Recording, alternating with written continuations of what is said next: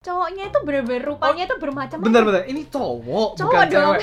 Oh. karena viewers Seventeen kebanyakan cowok Eh, itu serem sih. cowok Itu serem sih kalau misalnya cowok tiba-tiba itu serem sih, itu serem. Iya, itu serem dan posisinya waktu itu aku cuman sama adik aku berdua. Manajer aku belum datang. Oke, jadi adik kamu jadi manajer ini. Dan aku sebenarnya nggak nyaman waktu itu udah nggak nyaman kan diselilingin orang yang Iya nggak kenal. nggak kenal dan itu cowok lagi loh. Cowok. Maksudnya Dan mereka ngaku ngefans sama aku. iya kan nggak bisa bedain. Ini benar fans kah atau Iya, terus habis ini Ah, pulang serem, gimana serem dong? Aku kan Ah. takut kalau misalnya orangnya aneh-aneh, kalau misalnya mereka ngikutin aku sampai ke tempat tinggalku, gimana? Ah gitu. iya iya make sense. Ah, ah. Terus akhirnya aku kontak manajer aku Ah. ini apakah hal yang biasa terjadi seperti ini? Dia ngomong, hah, kamu sampai diajakin foto segala macam. Tenang aja ya guys. Ya emang. Jadi komunikasi mana? Halo guys. Oke ya, 3 2 1. Halo guys, kembali lagi bersama gue di Perkasa Ways. Oke, jadi pada hari ini aku ada kedatangan tamu. Dia dia adalah seorang musisi, ya, musisi di Taiwan dan namanya itu bisa dibilang musisi ya atau bukan? Belum lah, belum bisa dibilang musisi dong. belum bisa belum bisa dibilang sebagai musisi. Jadi ya aku kedatangan tamu namanya Karina Novia. Terus Karina Novia ini udah sekarang udah berarti enam tahun, lima tahun atau enam tahun ya di Taiwan. lima tahun. ya, Lima kurang tahun, lebih. oke. Boleh kenalin dulu nggak Karina Novia itu siapa? Soalnya mungkin ada beberapa orang yang belum kenal sama Karina Novia. Ya aku asalnya dari Surabaya, terus habis itu emang suka di Taiwan, jadi makanya akhirnya memilih untuk kuliah di Taiwan. Terus betah, jadi lanjut S2. Makanya tadi kayak yang Satria bilang, Heeh. udah stay lima tahun. Nah, ya inilah totalnya udah lima tahun. Oh, totalnya udah lima tahun. Iya. Oke, tadi Karina ini menarik ya. Tadi ada ngomong kalau misalnya suka sama Taiwan. Apa sih yang bisa dibuat? Maksudnya kenapa sih kok bisa suka sama Taiwan gitu? Gimana ya? Emang dari dulu Mhm. awalnya itu suka nonton drama. Kalau sekarang kan ngetrennya drama Korea ya. Ah, ah, Kalau ah. dulu ngetrennya drama Taiwan mungkin kalau zamanku. Terus ya itulah Oh. karena fangirling, suka-suka artis Taiwan, jadi Aha. tertarik lah ke sini. Apalagi kalau di Oh. drama itu kan di di shoot kan ya. Maksudnya view Taiwan itu kayak gimana kok kayaknya seru gitu terus tempat Mhm. wisatanya kayaknya bagus-bagus jadi tertarik gitu sih. Oh, jadi itu pas mulai tertariknya dari SMP atau SD atau kapan gitu? SMP mungkin. Dari SMP ya. Mm. Terus Karina ini kan tadi aku ada ngomong musisi ya, sebagai Iya. musisi. Berarti suka musik gitu kan. Suka nah, musik. suka musiknya itu mulai tahu kalau suka musik itu dari kapan? Kayak gitu. Hmm, taunya suka dari kapan sih? Mungkin udah lama ya karena dari kecil udah dibawa orang tua dimasukin ke kursus musik gitu. Hmm. Awalnya kayak biar ada keterampilan lah gitu pikirnya orang tua kayak biar Karina ini ada keterampilan. Jadi awal-awal ya dipus sama orang tua dulu, terus kelama-kelamaan kok berasa suka, dijalanin suka. Jadi dulunya awalnya dipus, terus ke belakangannya jadi kemauan sendiri kayak misalnya latihan udah kayak nggak disuruh latihan sendiri tapi udah kemauan Oh. diri sendiri untuk latihan kayak gitu Itu musiknya lebih ke mana? Piano atau piano lebih ke piano ya? Iya. Berarti fokus piano. fokus piano Oh, Mm-mm. kalau misalnya nyanyi atau apa gitu dulu belum. nyanyi karena aku orangnya nggak seberapa pede yang berhadapan langsung sama orang jadi Hmm. nyanyi sebenarnya sampai sekarang juga masih kadang suka takut Oh. kalau piano kan posisi kita dari samping yang terlihat kan hanya samping badan aja gitu Ah. dan posisinya duduk jadi lebih enjoy dan lebih santai gitu Oh. Jadi tadi kan udah ini nih. Nah, Karina udah ngomong kalau misalnya suka musik terus suka Taiwan. Mm-mm. Terus pas kuliah, kenapa maksudnya kalau suka musik Taiwan itu sebenarnya bukan negara yang basis musik ya, setahu gue ya. Setahu Hmm. mungkin apa ya yang basis musik itu Jerman, Ya, terus apa Australia, Amerika ya. Hmm. Terus kenapa kok tetap bersikeras mau pilihnya tetap Taiwan gitu? ah? Emang karena saking cintanya sama Taiwan atau gimana gitu? Iya, bisa dibilang gitu mungkin. Oh. Karena nonton drama kan terus dengerin soundtrack drama Taiwan gitu, terus pop musiknya gitu alirannya suka. Oh. Jadi akhirnya tertarik ke sini gitu. Terus pas itu daftarnya gimana gitu? Aku daftarnya Uh, hmm. tanpa agen sih. Sebenarnya dulu juga nggak didukung sama orang tua pada awalnya. Oh. Jadi kemauan sendiri kan, terus orang tua kayak rada takut karena pertama anak perempuan. Aha. Kayak mereka nggak rela lah kalau jauh-jauh, apalagi Taiwan kan naik pesawat lima setengah jam nih kalau dari Surabaya jauh banget. Iya termasuk. Jadi, aha. uh-uh. Jadi orang tua sebenarnya rada takut. Terus aku kemauan sendiri. Aku orangnya gimana ya? Rada kalau ada kemauan sesuatu gitu rada maksain sih jadi aku kayak Oh. iseng cari tahu sendiri kebetulan ada kenalan teman yang udah di sini udah sampai Taiwan cari informasi terus udahlah daftar sendiri gitu kan terus Oh. aku kayak mm, cari info bahan-bahannya apa aja yang perlu dikumpulin kan Hah? sampai akhirnya orang tua lihat kok Karina ini kayaknya bener-bener kepingin banget deh ke Taiwan terus dibantulah kayak dibantu dikirimin dokumen terus habis itu cari tahu gimana caranya legalisir segala macem Oh, Kayak jadi gitu. pada saat itu wow. pada saat itu berarti masih SMA kan ya? SMA Gila, SMA berarti udah ada kemauan sendiri terus cari semua informasinya itu sendirian kayak iya literally orang tua yang nggak bantu gitu. nggak bantu Oh wow. Terus oh berarti dari informasi-informasi yang didapat itu ya akhirnya ketemulah dari apa in- universitas yang sekarang Karina itu apply gitu kan? iya. Oh, jadi sebelumnya emang udah ada apply universitas-universitas lain kah atau cuma satu universitas itu aja? waktu itu dua tapi aku Mhm. yang apply Uniline itu di daerah Pancau Aha. dan dia itu government school dan waktu itu posisinya aku di sana daftarnya kok nggak salah composing? Dan emang benernya bukan bidangku dan aku terlalu iseng gitu loh daftar Oh. composing.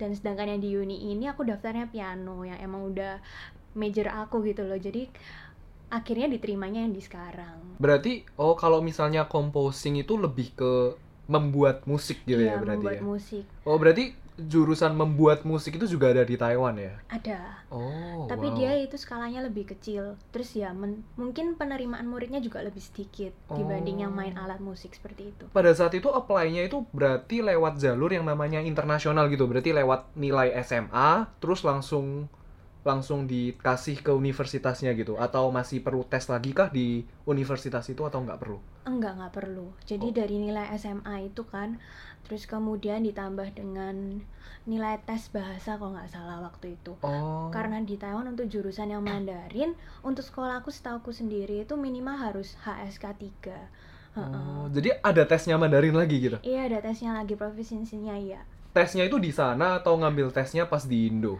Di Indo. Terus dia dalam bentuk Oh. sertifikat terus kita tinggal ngumpulin sertifikat itu aja. Oh jadi kayak requirement dokumennya ya Iya, itu salah satunya. HSK bener Berarti ngomong-ngomong tentang Mandarin, berarti Mandarinnya Karina pada saat itu udah jago ya? HS, HSK 3 itu berarti udah jago nggak sih?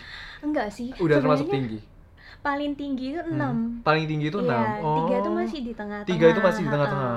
Kalau enam itu levelnya kalau nggak salah udah sepan udah pantas jadi guru waktu itu. Oh. Jadi guru Mandarin. HSK 3 itu berarti termasuk standar ya? Standar. Tapi Jadi minimumnya emang tiga dari ke- Oh. dari sekolah gitu. tapi termasuk oke sih, soalnya aku pas dulu SMA gila Mandarinnya bener-bener dari nol gitu loh. Kayak Hebat kamu dong dari nol malah di sini bisa survive sampai sekarang. Enggak lah, enggak lah. Oke, jadi belajar Mandarin itu ya udah mulai dari kecil gitu, udah belajar Mandarin atau gara-gara oh aku pas nonton Tai pas nonton video Taiwan ngerasa wah Mandarin ini menarik ya, terus belajar-belajar sendiri gitu kah atau Enggak, aku juga dikursusin dimasukin kursus sama orang tua. Hah? Waktu itu kalau nggak salah dari SD kelas 1 atau kelas 2 Mhm. Heeh. Karena emang keluarga aku, mama papaku kan kurang bisa Mandarin Jadi Aha. mereka pengennya anaknya biar bisa Apalagi mereka Oh. ngerasa kayak lumayan dibutuhkan banget ke depannya buat nyari Ah. kerjaan atau apa Jadi mereka Oh. juga langsung inisiatif buat masukin ke les-lesan gitu Iya sih. Mm-mm. Oke, berarti udah dari kecil ya belajar Iya, udah dari kecil Bagus sih. Hmm. Terus boleh boleh tahu nggak univnya apa yang pas S1 itu? Univ S1, Wenhua Daxue Di Wenhua Chinese Daxue. Culture University Oh, di Chinese Culture Uni- Culture University. Heeh, Kalau orang bilang Ah. anak gunung Anak gunung. Iya, lokasinya lumayan jauh. Meskipun Aha. dia di Taipei, tapi dia rada pinggiran. Ada pinggiran. Berarti Uh-uh. oh iya sih. Di gunung. di gunung. Nah, Karina ini kan orang Surabaya kan ya? ya. Terus pas pindah ke gunung gitu rasanya gimana gitu loh? Maksudnya pas untuk anak kuliah yang baru pertama kali, mungkin baru pertama kali ke luar negeri juga ya? Iya. Itu rasanya kayak gimana? Kayak Hmm, gimana ya waktu Hah? itu sebenarnya excited Mhm. karena udah berasa udah di lingkungan Taiwan nih, udah sampai Taiwan jadi excited jadi mau ditaruh di mana pun tetap seneng. Oh. Lagi pula juga masih konteksnya dalam lingkungan Taipei meskipun ada jauh sedikit, tapi setidaknya naik bus atau naik taksi udah bisa sampai ke tempatnya gitu. oh. Dan di Mhm. samping itu aku suka gunung kebetulan. Oh, wow. suka sama oh ya kok bisa? Iya. Kok bisa suka sama gunung? aku ngerasa kalau kota itu agak Aha. terlalu ribet ya maksudnya terus secara udaranya lebih po- berpolusi kalau di gunung ini seger gitu loh bangun pagi-pagi hidup hirup udara baru gitu senang banget sih Oh iya sih, iya sih lumayan sih. Terus ada burung bunyi cicit-cicit gitu. ya. Iya. Oke. bunyi-bunyi binatang gitu banyak macam lah Loh, tapi pas itu pas Karina berangkat ke CCU, si ya Chinese Cult- Culture University itu Mm-mm. sendirian kah atau kebetulan ada beberapa teman yang satu batch gitu loh? Ada tapi karena aku international student itu yang jalurnya beda Oh. aku berangkat ke sana tanpa tahu temenku itu ada siapa aja Oh. nggak tahu di sana huh. ada kakak kelas kah ada komunitas Indo atau enggak aku cuman taunya ada temenku aja satu di sana Oh, pokoknya Uh-uh. ada tahu satu, Satu, temen di sana. ha-uh. Dan, Dan- temen itu kayak satu perantaran atau kakak kelas gitu. dia programnya udah beda dia bukan S1 dia ada tiga Tapi pokoknya taunya ada satu temen ya udahlah, pokoknya ada teman. iya setidaknya ada teman lah gitu Oh, jadi pada saat datang itu ya udah nggak tahu kalau misalnya bakal ada orang Indo lain selain dia iya kayak gitu. ha-ha. Oh, mulai tahu kalau misalnya oh ternyata ada banyak orang Indo juga ya di sini itu Mm-mm. mulai kapan gitu? Ada karena ikut organisasi Indonya atau karena apa gitu?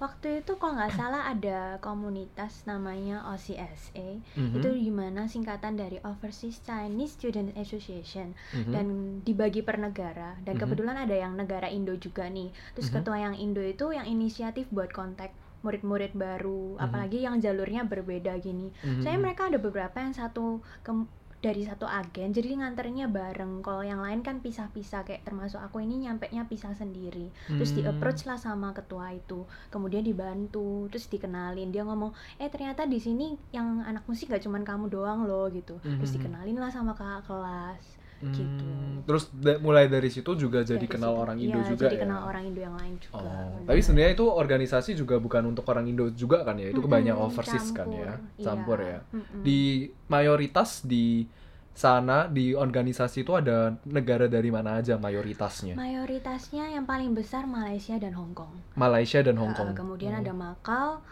Korea terakhir-terakhir Korea ini juga iya, ada? Oh. terakhir-terakhir baru ada kayak Vietnam gitu tapi jumlahnya masih lebih sedikit Oh. iya Jadi mayoritas tetap Malaysia sama Hong Kong. Indonesia itu berarti termasuk minori- minoritas ya? benar Oke.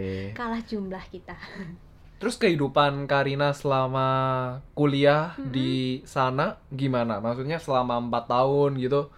Maksudnya aku soalnya nggak seberapa bisa bayangin nih kalau misalnya kuliah sebagai musik, kuliah musik, Mm-mm. apalagi piano ya, iya itu ngapain aja gitu loh. Aku kurang bisa bayangin kayak apakah oh tiap hari aku harus main piano kah atau tiap hari aku belajar teori tapi teorinya yang seperti apa gitu loh. iya aku juga pada awalnya jujur nggak ada bayangan Aha. selama di Indo kan aku piano mungkin ambil kursus doang ya kalau Aha. ini kan dari kursus jadi kelas gitu loh pasti Iya. konteksnya tambah besar kan Aha. terus dulu juga ada belajar teori tapi mungkin kurang mendalam gitu Hmm. sampai sini baru per- perlahan-lahan belajar ternyata banyak macem banyak kelasnya gitu Oh, nah kelasnya itu seperti apa? Kayak teori-teorinya itu berhubungan dengan teori piano atau teori yang seperti apa gitu? Hmm, Nah kelasnya juga dibagi karena alat musiknya kan terlalu luas ya banyak macam. Ada alat musik yang alat tiup lah, Aha. terus misalnya alat gesek segala macam, ada yang vokal juga. Tapi kebetulan konteksnya dalam klasik. Terus habis itu klasik yang dipelajari yang umum yaitu historinya kan semua orang Aha. bakalan bela- pelajarin asal usulnya itu gimana jadi ada dibagi kelas historinya yang kayak gitu tuh biasanya kelasnya rame satu kelas semua meskipun berbeda alat musik bisa barengan Oh. Terus habis itu dibagi lagi ada kelas yang composing. Terus kayak aku fokusnya di piano. Aha. Jadinya yang piano itu privat. Jadi itu kayak maksudnya piano itu ada pembagian-pembagian lagi gitu kah? Maksudnya piano ini bakal Mm-mm. lebih ke arah yang seperti klasik. Soalnya tadi Karina udah ngomong tentang klasik ya. Jadi Iya. kayak masih dibagi lagi oh ntar ada klasik, jazz dan kawan-kawan gitu Oh kah atau? enggak, klasik aja. Untuk S1 pembagiannya nggak begitu luas. Oh kalau misalnya S1 dan di CCU itu Mm-mm. Chinese Culture University itu berarti lebih ke klasik. Jadi Iya, fokusnya lebih klasik. Fokusnya ke klasik. Oh. Ha-ha. Dan apakah Karina tahu kalau misalnya awal-awal itu fokusnya bakal ke klasik atau nggak tahu gitu? Soalnya siapa Hmm. tahu oh gara-gara tahu kalau misalnya klasik eh aku nggak suka nih ternyata atau gimana? Hmm, Karena aku di Indo udah belajarnya klasik, Aha. setidaknya aku udah ada basisnya. Tapi sebenarnya aku kepingin belajarnya lebih gitu, karena aku mikirnya sampai Aha. Taiwan kepingin belajarnya kan lagu pop Taiwan kan. Oh. cara ngiringin pop itu gimana tapi selanjut waktu ternyata ada dibuka kelas akhir-akhir tahun gitu kayak udah tahun kedua atau tahun ketiga gitu baru Aha. dibuka terus langsung lah ambil gitu Oh, tapi awal-awalnya memang klasik Iya. dan kayak belajar teorinya teori history story gitu ya. iya history historinya Oh wow. Jadi history itu kayak belajar misal kayak Ludwig van Beethoven kayak gitu juga belajar dibelajarin. Maksudnya bela- dibelajarin teorinya kapan kapan hidup terus kapan meninggal gitu kah atau? Iya, terus habis itu mungkin kar mereka setiap orang kan berbeda-beda gitu aliran musiknya. Aha.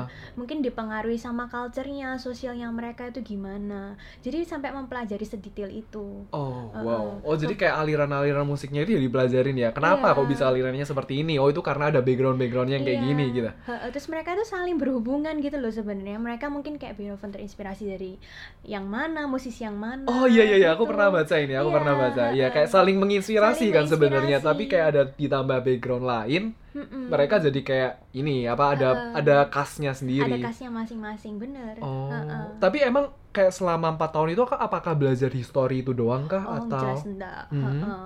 Kita juga ada belajar tentang chord mungkin, heeh. Aha. Terus habis itu listeningnya kita itu bakalan di gimana ya? dilatih gitu? Dilatih lebih lagi, Aha. heeh. Terus tadi kan ngomongnya tentang chord, maksudnya chord itu kayak gimana ya? Maksudnya kayak latihan chord atau Mm. maksudnya itu lebih ke praktek ya berarti ya? Itu praktek dan teori. Jadi ada kelasnya khusus namanya kayak mempelajari tentang chord progression. Oke. Heeh. Jadi kita dilatih secara listeningnya. Jadi kalau misalnya kita dikasih satu lagu nih, kita kira-kira harus bisa nebak itu kira-kira dalam key apa, Oh. terus progressionnya seperti apa kayak Oh gitu. gila. Terus nanti ada perubahan lagi chord progressionnya Oh. Jadi, secara teori dan juga dibantu dengan hearing gitu. Oh wow, gila. Iya. Kayak gini nih berarti kayak istilahnya fokus satu kelas itu ada kayak gitu ya, ada Iya, latihan kayak gitu. Dan itu apakah gitu. dipelajari selama empat tahun atau kayak cuma satu semester aja? Kebanyakan satu semester atau satu tahun ya. Wow, jago banget. Terus selain itu ada kelas apa lagi selain? Ada kelas Hah? choir, terus Itu ada- apakah harus diambil kah kelas choirnya atau?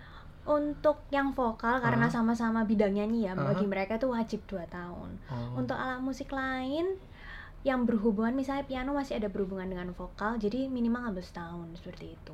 Maksudnya, oh jadi kayak selain piano eh, harus ada ngambil minor ya berarti ya? Atau maksudnya? Sebenarnya kelasnya bukan yang eh, itu tapi elektif. Oh. Dan elektifnya itu ngambilnya vokal itu tadi. Iya, Oh. bener. Menurut Karina kayak kelas yang paling membantu itu di bidang maksudnya di kelas yang kelas apa gitu yang paling membantu di saat Hmm. ini gitu menurut Karina. Sebenarnya untuk kelas itu pasti banyakkan teori ya. Kita juga butuh praktek. Mhm. Jadi aku lebih suka prakteknya sebenarnya. Hmm. Dari maksudnya pianonya itu sendiri. Dan juga kebetulan guru-guru nggak cuma jadi guru, jadi profesor di sana, tapi mereka juga orang yang udah berpengalaman. Mereka Mhm. mungkin bisa ngadain konser di luar atau event Mhm. atau mungkin ada pekerjaan tambahan misalnya di luar dia composing lagu. Nah, kadang mereka minta murid-muridnya untuk bantuin involve buat in the making of the music gitu loh. Aku malah Oh. enjoy di situnya. Oh, jadi Heeh. kayak le- lebih ke bantuin profesornya buat buat musik gitu Iya, kan maksudnya? heeh. Oh, wow. Oh. Kok maksudnya profesornya itu berarti kalau misalnya mau minta bantuan dia pasti selektif juga dong, nggak mungkin kayak asal ngambil gitu kah atau? Iya, mereka mungkin bisa Mhm. kontak kamu secara pribadi. Mungkin dia kayak mengenal Aha. muridnya lebih, terus dia ngerasa kok murid ini ada potensi misalnya. Ah. Dia kayak langsung nanyakin muridnya apa mau ikut join. Oh, itu buat perform Ha-ha, ya. Untuk perform Oh. mungkin. Dan bahkan kadang mereka ada job, misalnya mereka butuh orang untuk jaga di event atau mereka butuh orang untuk isi suara di lagu mereka. Itu semua juga dapat ada penghasilannya gitu. Oh, dan itu biasanya kayak profesor yang cari sendiri. Iya, yang cari Oh, sendiri. Wow. Dan Karina lebih enjoy di situnya ya benernya. ya? Iya, Iya sih lebih sebenarnya. enak praktek ya sebenarnya Iya, daripada teori ya. praktek. Tapi secara garis besar kalau misalnya kuliah S1 di eh, di Taiwan sini masih ngerasa lebih banyak teorinya daripada prakteknya.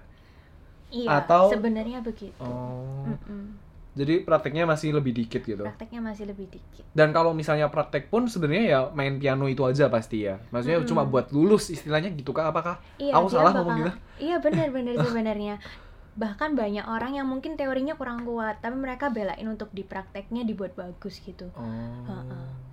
Nah, selain kegiatan kelas pada saat kuliah 4 tahun itu Mm-mm. Karina ada sibukin hal lain apa hal lain apa gitu selain kelas? Waktu itu aku posisinya di kelas kebetulan Indo sendiri. Oke. Dan international students itu dikit banget. Aha, Ada satu Malay dan Mhm. dua Hong Kong kalau nggak salah. aha. Dan mereka yang jelas Mandarinnya udah jauh lebih bagus lah daripada orang Indo lah ya. Kan mereka sudah kayak makanan sehari-hari tuh ngomong Mandarin. Mhm. Jadi waktu itu sempet kayak kesusahan ngerasa kayak kadang ngobrol kok nggak nyambung terus rada sempet ngedown juga ngerasa kayak gila aku Indo sendiri gitu loh gimana caranya aku survive 4 tahun ini kan Aha. terus habis itu adalah tawaran ikut organisasi Hmm. jadinya aku milih untuk organisasi karena kebetulan aku ngerasa habis pulang kelas juga kok nggak ada aktivitas lain ya gimana aku ngambil organisasi biar aku bisa ngelakuin sesuatu yang bisa membangun gitu Oh, Heeh. organisasi pada saat itu organisasi apa yang diambil?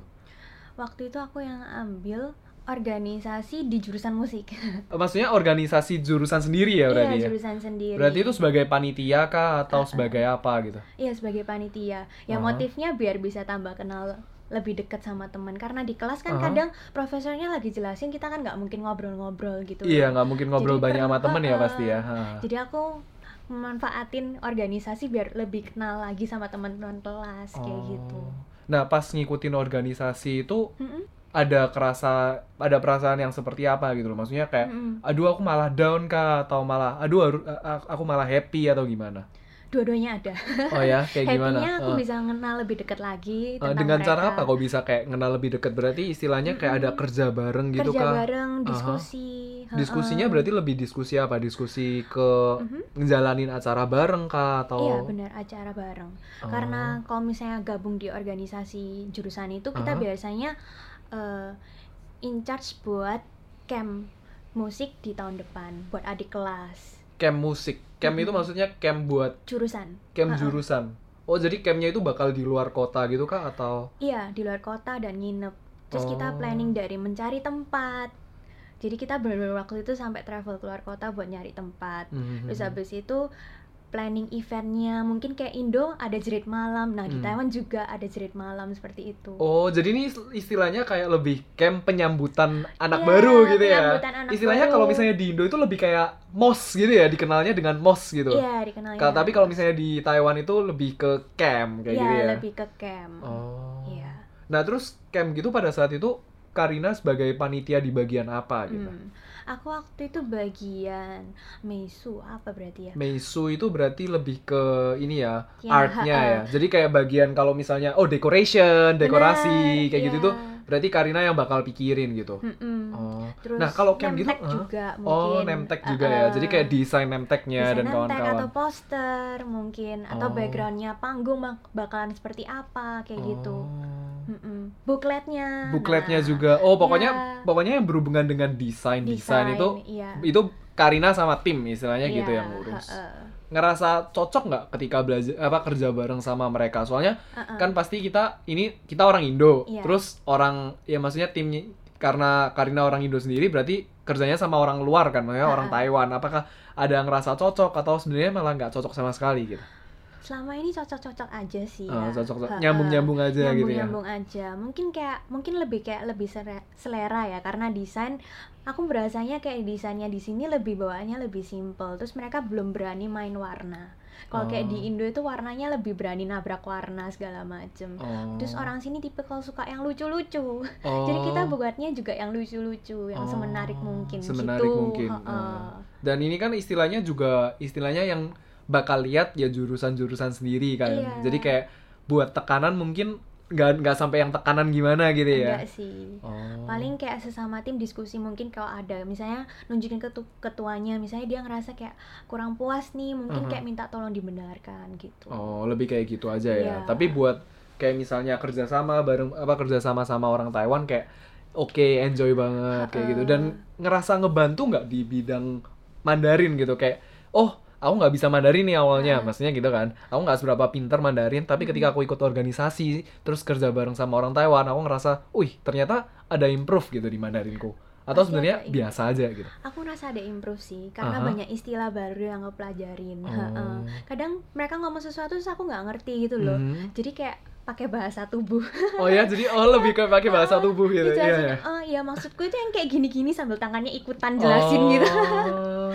iya Tapi jadi dari situ malah jadi ngerasa belajar Mandarinnya lebih cepet gitu ya lebih mungkin ya. cepet Oh, Ha-ha. atau atau Karina sebenarnya malah ngerasa, aduh sebenarnya aku mending nggak ikut organisasi ya, aku mending belajar Mandarin sendiri gitu.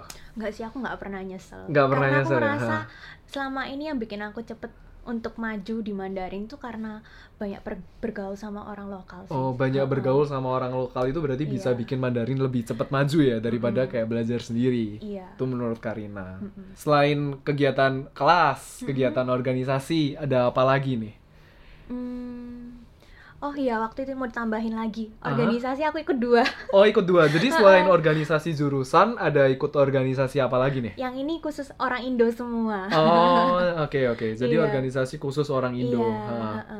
Organisasi khusus orang Indo itu berarti lebih kayak ngurusin, mungkin ngurusin buat adik-adik kelasnya juga ya? Iya sama-sama bantu juga mungkin kalau Oh. ada masalah penjurusan mereka misalnya nggak betah di jurusan mau pindah jurusan atau mungkin mereka ada ngerasa kesusahan dalam pelajarannya Aha. nah kayak gitu kita bisa bantuin Oh, tapi Karina gimana ya cara bagi waktunya ya? Soalnya Karina ada kelas, Mm-mm. terus ada dua organisasi, organisasi yang sama jurusan, iya sama organisasi yang Indo. uh-uh. Nah, gimana cara bagi waktunya supaya Karina bisa balancein antara ketiga ini?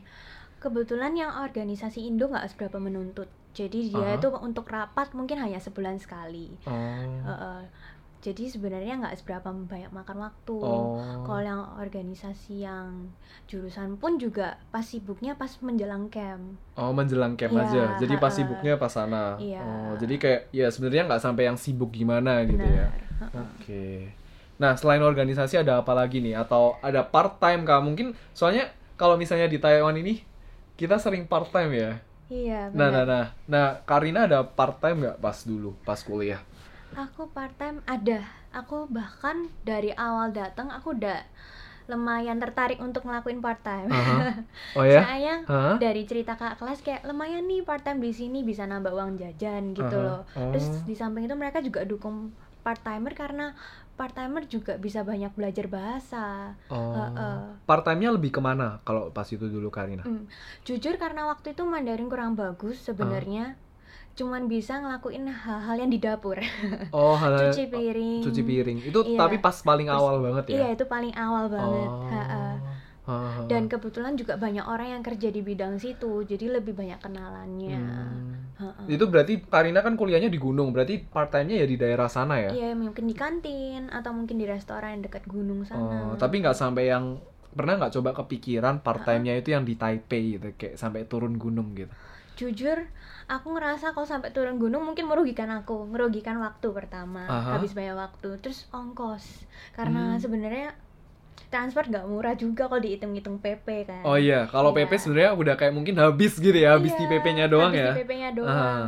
Selain part time, berarti pas tahun keempat, setauku Karina ini ada perform ya. Mm-mm.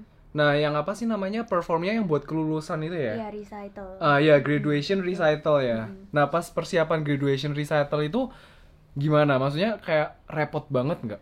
Lumayan repot ya, Aha. karena kita anggapannya kita bikin event dan kita jadi IO sendiri. Mhm. Waktu itu juga karena biaya ya, jadi kita nggak bener-bener depres banget. Kayak Mhm. kalau bisa yang bisa diselesain sendiri sih, jangan nyusahin orang lain. Mikirnya sih gitu. Aha. Heeh. Oh, jadi pas apa graduation recital itu kak apakah sebuah keharusan atau kayak sebenarnya itu bisa milih? Bisa milih dan waktu itu aku posisinya kayak bisa jadi ini tahun terakhirku di Taiwan. Aku kepengen buat sesuatu yang bisa aku kenang gitu loh selama Aha. di Taiwan. Mhm. Apalagi mungkin aku ke depannya belum tentu jalan di musik nih. Hmm. Gimana aku buat satu memori yang bisa aku simpen dan aku bisa kenang gitu. Hmm. Loh, tadi ada ngomong kalau misalnya ke depannya belum tentu di musik. Itu Iya. maksudnya?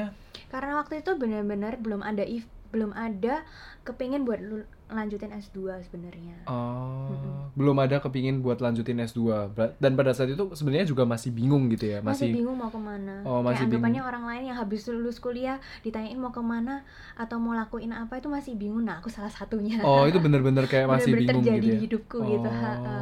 Nah, pada saat itu pas da- pada saat graduation recital, tadi Karina ada ngomong kalau misalnya itu pilihan. Emang selain pil- selain memilih untuk graduation recital ada pilihan apa lagi gitu? Enggak sih, bukan ada pilihan apa lagi, tapi itu nggak diwajibkan. Oh, itu nggak diwajibkan. Iya, Nah, kalau misalnya Karina melakukan itu apakah ada nilai plus kah atau? enggak.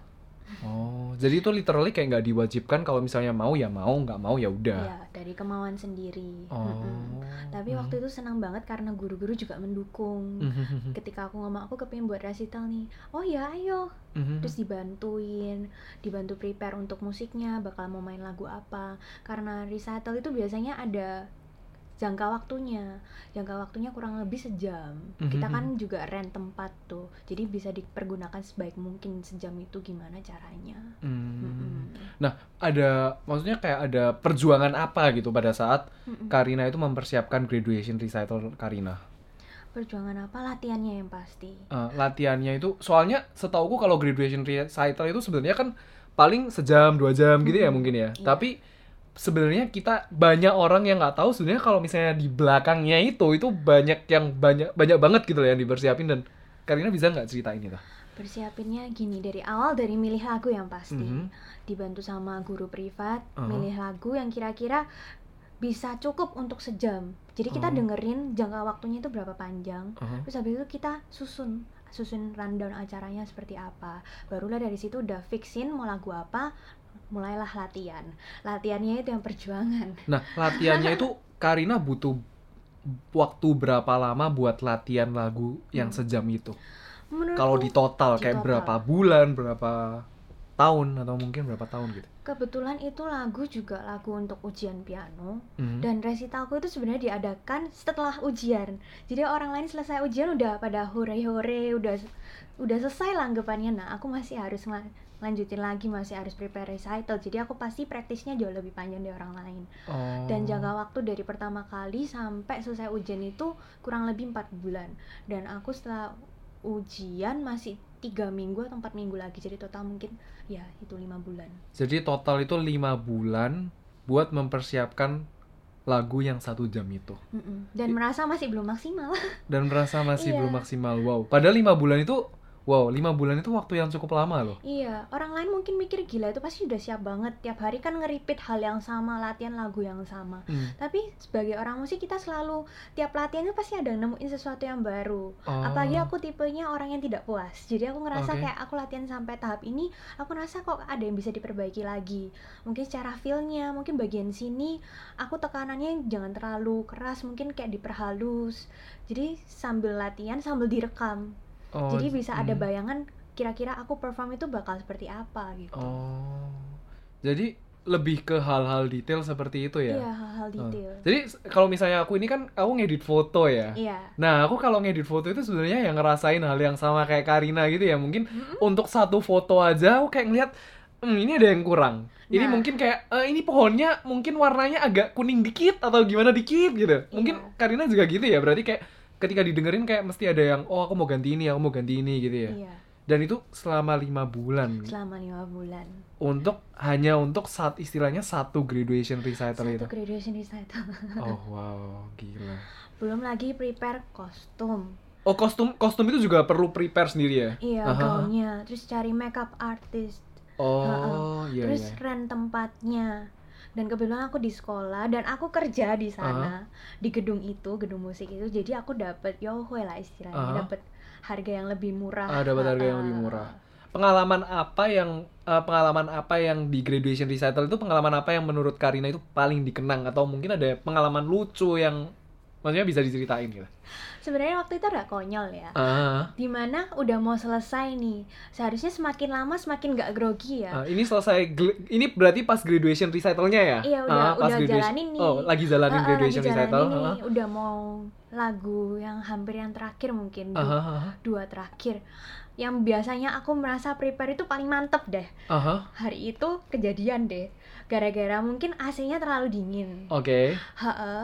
terus tangannya udah tambah lama tambah kaku dan di Oh. sana kan aku udah nggak bisa komunikasi sama orang kayak tolong dong temperaturnya diturunin atau gimana Ah, ah, posisi udah kaku banget nih ah, ah. tergelincir lah tanganku Makanya tergelincir Salah itu kayak gimana? Oh, ada salah mencet. iya salah mencet Oh, oh jadi pas main itu ada salah pencet. Eh aku ada pergi ke sana, aku ngerasa nggak ada yang salah pencet sih.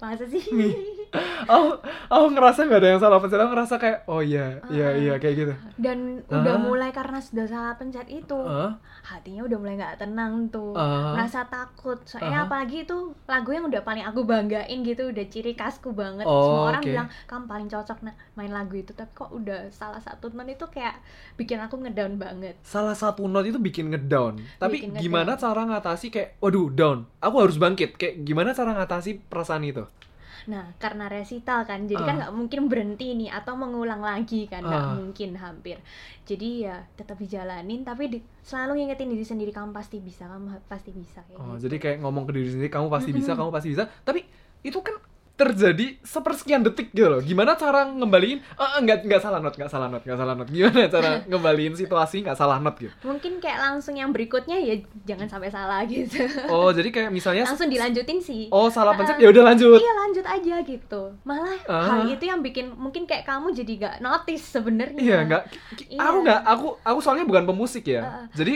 mungkin telinga aku ini nggak sampai yang detail gimana. Tapi ketika aku dengerin ya, ya, ya nggak Iya, ada yang salah gitu ya, ya Iya. bagus gitu. gitu ya iya, iya.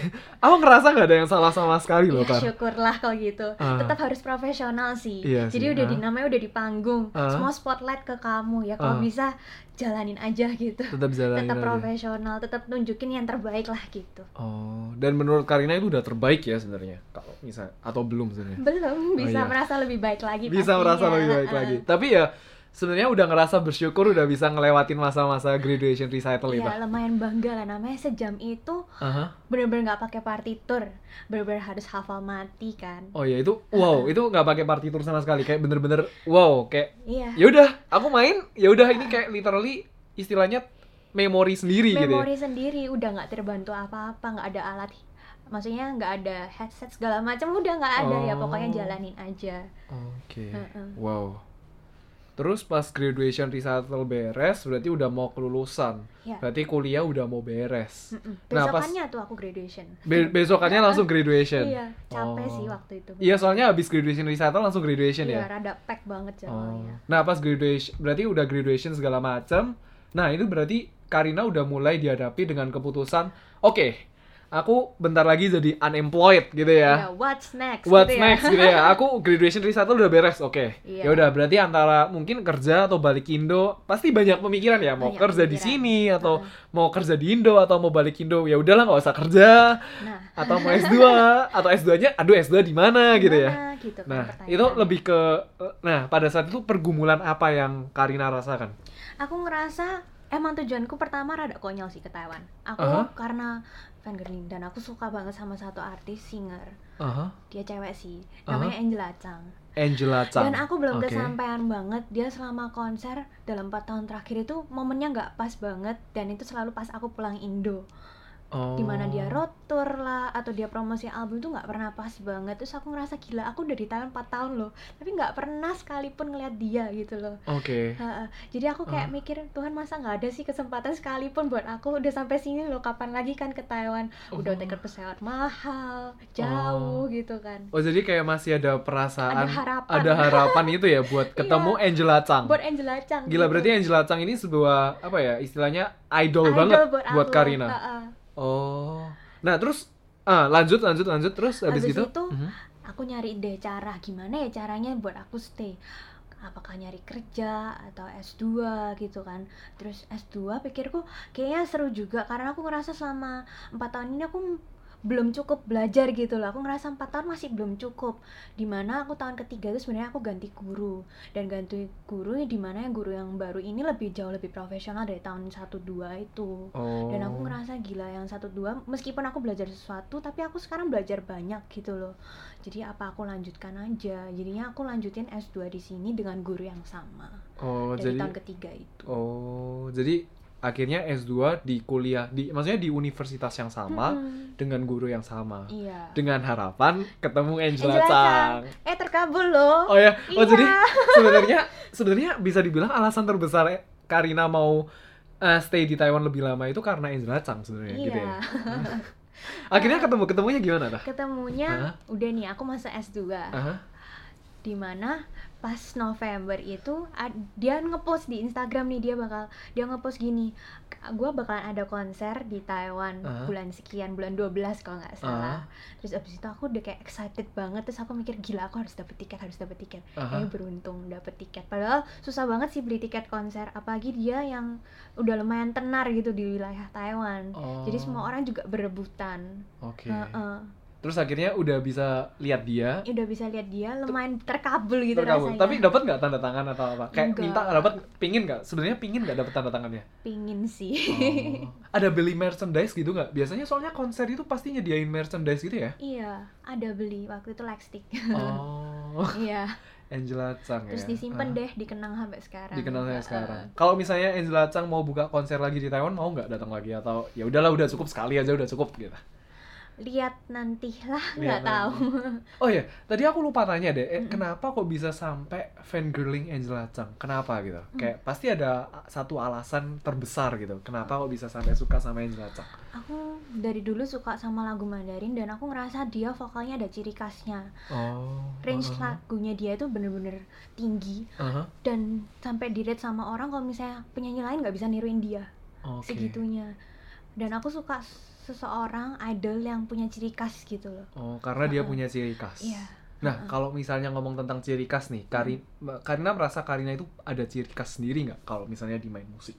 di main musik guru-guru sih ngerasa kalau aku orangnya punya feeling banget Punya feeling Uh-uh. banget. Oke. tapi kalau di bidang klasik mereka ngerasa kayak aku orangnya lumayan full of surprises karena mereka Oh, wow. ngerasa kayak Hah? aku orangnya lumayan calm Oke. jadi calm biasa orang mikir bakal main lagu yang pelan slow Aha. Nah, aku bisa slow, tapi di mana tengahnya biasanya divariasi tiba-tiba ada yang cepet nih. Terus Oh. tiba-tiba ada yang bener-bener powerful. Jadi Oke. kayak giving a a lot of surprises gitu ya buat Oh. yang dengerin. aku mau tanya nih, soalnya aku soalnya kurang tahu ya, maaf ya. Hmm. Jadi tadi Karina ngomong pertama calm, Mm-mm. terus tiba-tiba jadi powerful. Mm-mm. Tapi sebenarnya kalau misalnya main lagu klasik itu apakah biasanya nggak ngambil lagu klasik misalnya dari buatannya Beethoven terus tinggal di cover gitu kah? Iya benar, benar. Ah. Seperti itu. Dan Ah. maksudnya kan mereka terbagi banyak movement. Oh. Misalnya ada tiga movement. Mungkin Hmm. yang movement pertama lebih kayak slow, terus movement keduanya dia lebih fast. Terus yang Oh. ketiga mungkin balik lagi atau mungkin fast tapi yang nggak sepowerful yang pertama. Tergantung si musisi banyak variasinya. Oh, gitu. tapi kebanyakan memang cover dari musisi-musisi yang kayak Beethoven dan kawan-kawan gitu ya. iya. Oh. Dan Aku mereka kira banyak- kayak Hah? Karina bakal buat lagu sendiri gitu, maksudnya kompos lagu sendiri. Aku tadi pemikiranku gitu, Oh, bukan ya? Enggak ya? ada juga tapi di kelas tambahan biasanya. Oh. Aku orangnya kan kepingin ingin tahu, Ah. ingin taunya banyak gitu loh. Ah, Jadi selalu kepingin ngambil kelas yang kira-kira aku nggak bisa dapetin di Indo. oh. Aku tertarik composing pakai GarageBand itu yang simple-simple. Ya udah Mhm. aku ngambil kelasnya. Mhm. Terus aku suka vokal nih, aku suka nyanyi. Ya udah aku ngambil choir. Aku orangnya kayak gitu Oh, sih. itu pas kuliah S1 Memanfaatkan. atau S2? S1 dan S2 sama S1 dan seperti- S2 itu Oh, juga ada dua-duanya ada kelas seperti ada itu. kelas yang seperti itu. Oh. Terus ada Ah. kelas performing Ah, ah. yang aku kira cuman bakalan cuman benahin postur badan doang ternyata dong disuruh nari Hah, Aku- performing itu maksudnya performing itu kan banyak sebenarnya. Iya. Tapi performingnya ini apakah fok- fokus untuk vokal atau performing ya udah performing secara global. performing secara global untuk alat untuk alat musik Oke. di mana kita belajar supaya badan kita nggak kaku supaya Oke. kita leluasa di atas panggung Ah, ah. tapi kalau misalnya main piano sambil nari-nari gitu ya. Maksudnya narinya gimana kalau main piano gitu? bukan nari sih tapi Oh. kadang kayak Ah. pembawaan kita terlalu enjoy musiknya jadi mungkin kayak ada sedikit movement gitu sebenarnya kayak yang lebih wavy Oh, lebih wave nih maksudnya. Ah. Oh, alah, maksudnya kalau wave ya diajarin cara diajarin cara wave yang benar gitu Kak atau gimana supaya di panggung itu kamu tuh terlihat seorang musisi gitu loh Oh. Ha-ha.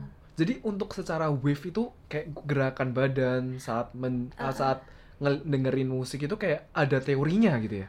lebih bukan teori sih teorinya mungkin kayak lebih ke postur cara duduk yang benar Aha. sisanya itu lebih kayak pembawaan diri sendiri tapi mungkin ada Oh. beberapa orang yang terlihat rada over misalnya musisi yang namanya Lang Lang kalau Oh, misalnya oke. kamu lihat itu dia main piano itu rada over Oh. sebenarnya lekukannya dia rada lumayan luas gitu loh Aha. terus mungkin ekspresinya kadang dia mendangak ke atas terus Ah. nanti ti- tiba-tiba dia nikmati musik terus ketawa sendiri Aha. nah yang seperti itu Oh, maksudnya seperti itu tuh yang betul. atau maksudnya yang bagus malahan yang bagus oh yang bagus itu Ha-ha. berarti over itu bagus Iya, orang liatnya kayak wow, dia ter dia kayak bener-bener menikmati musiknya banget ya. oh Dia kayak di dalam dunianya sendiri gitu. oke oke Mm-mm. dan itu sebenarnya untuk kayak gitu tuh untuk me- apa ya untuk menikmati itu sebenarnya bisa dilatih ya maksudnya Bisa dilatih supaya gimana Oh. caranya nggak kaku gitu. oh jadi jadi lebih mulus dan Lebih bukan cuma mulus. mulus saja tapi itu Cantik jadi atas jadi panggung. sebagai apa ya sebagai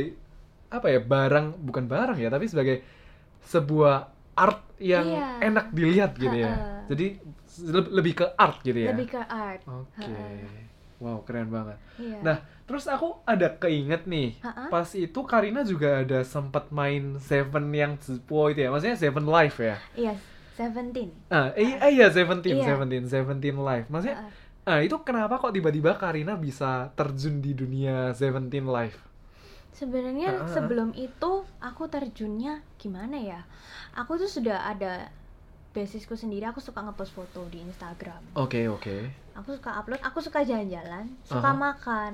oke Terus kadang aku suka cerita dan sharing-sharing misalnya aku ke tempat ini, aku ngerasa makanan ini gimana gitu. Oh. Dan awalnya ya kayak semacam blog gitu loh, kayak aku tempat aku buat cerita. itu di Seventeen emang Enggak itu di Instagram Oh, dulu. oh lebih di Instagram ya. Iya, Jadi sharingnya ha-ha. pada saat itu sharingnya memang di Instagram. Iya, terus orang mulailah tertarik terus lagi booming namanya influencer. Aha. Ya, aku bukan aku nggak ngerasa diriku influencer karena Aha. secara likers dan followers itu belum patut diomongin sebagai influencer. Kalau aku ngerasa influencer itu mungkin followers minimal 10.000 ribu, maksudnya dia aksesnya udah luas nih. Ah, Sedangkan aku kan enggak gitu. Aku cuman orang yang hobi di art, suka foto, ah. kadang narsis-narsis dikit, suka makan gitu Oke, kan. pokoknya lebih Ha-ha. suka ya udah ini aku mau bagiin apa yang aku Iya. lagi lakuin gitu ya. Terus dimulai dari endorse, tiba-tiba banyak tuh yang datang nanyakin, e, kamu mau nggak promosiin barang kita? Oke. Ha-ha. Oh, jadi pada saat itu sebelum Seventeen itu pelan-pelan kayak masuknya itu dari Endorse endorse, dulu, endorse dulu. Ha.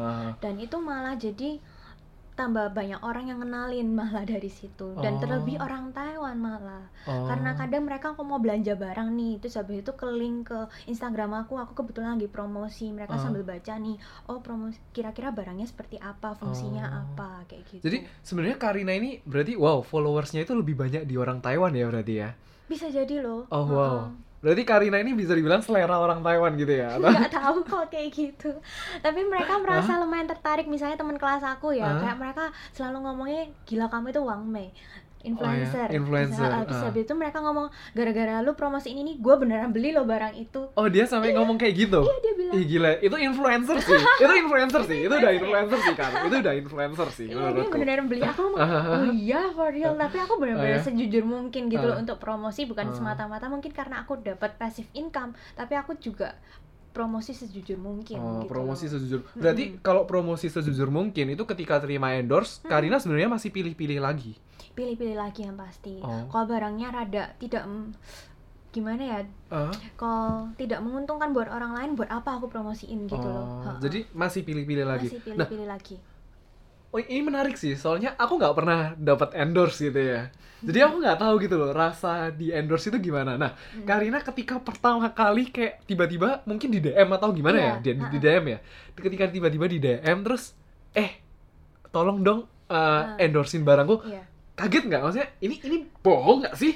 iya takut dibohongin orang yang pasti Ah. kan takut Ah. dibohongin malah disuruh beli barangnya atau Iya malah kan, iya, dirugikan iya kan, iya kan, iya kan. iya pasti ada ha. takut terus Ah, habis itu ya cari info Oh cari info, berarti kayak korek-korek sendiri misalnya dia pakai account aslinya account barang itu terus aku ya cari informasi misalnya endorse kali ini makanan Ah. restoran nih. Ah, aku cari tahu tentang restorannya aku telepon ke restorannya apakah benar kalian lagi butuh endorser? Apakah benar kalau kalian nyari influencer berpromosiin makanannya? Terus ah. mereka ngomong iya nih benar. Terus aku ngomong aku di kontak dengan orang person yang ini apakah kerja di tempat kalian? Iya benar kayak gitu Oh, jadi kayak dulu make sure ya, bukan asal, bukan langsung asal. Oke, aku mau gitu. Iya, heeh. Oh. Meskipun Taiwan itu negara yang aman, tapi tetap aja dalam diri sendiri kan pasti ada rasa takut dan Ah. rasa nggak bisa mudah percaya sama orang gitu loh. Pertama kali dapat endorse itu apa?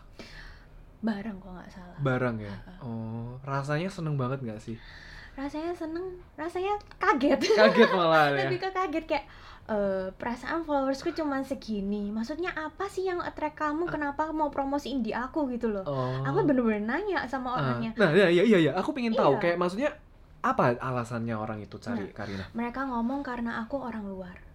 Oh. Mereka jujur ngomong karena aku orang luar. Ah, karena terus kalau mereka orang mau luar, promosiin barangnya ke orang banyak nih kan student international student yang di Taiwan mungkin Ah. kendala bahasa jadi mereka ng- mau ngelewatin aku biar promosiin ke mereka ke teman-teman sekitar oh, dan it works it works, Iya. ya it works. Tapi tapi tadi malah Karina ngomongnya orang Taiwannya sendiri yang malah beli. iya orang Taiwannya sendiri malah yang Oh, beli jadi kayak sebenarnya tujuh harapan orang-orang cari Iya. Karina itu karena Karina in- international student. international Tapi apakah orang tahu kalau misalnya Karina itu international student? Soalnya kayaknya mungkin kalau misalnya lihat di IG doang ya Hmm. nggak kelihatan gitu loh kalau ini orang internasional atau orang Taiwan Hmm. gitu.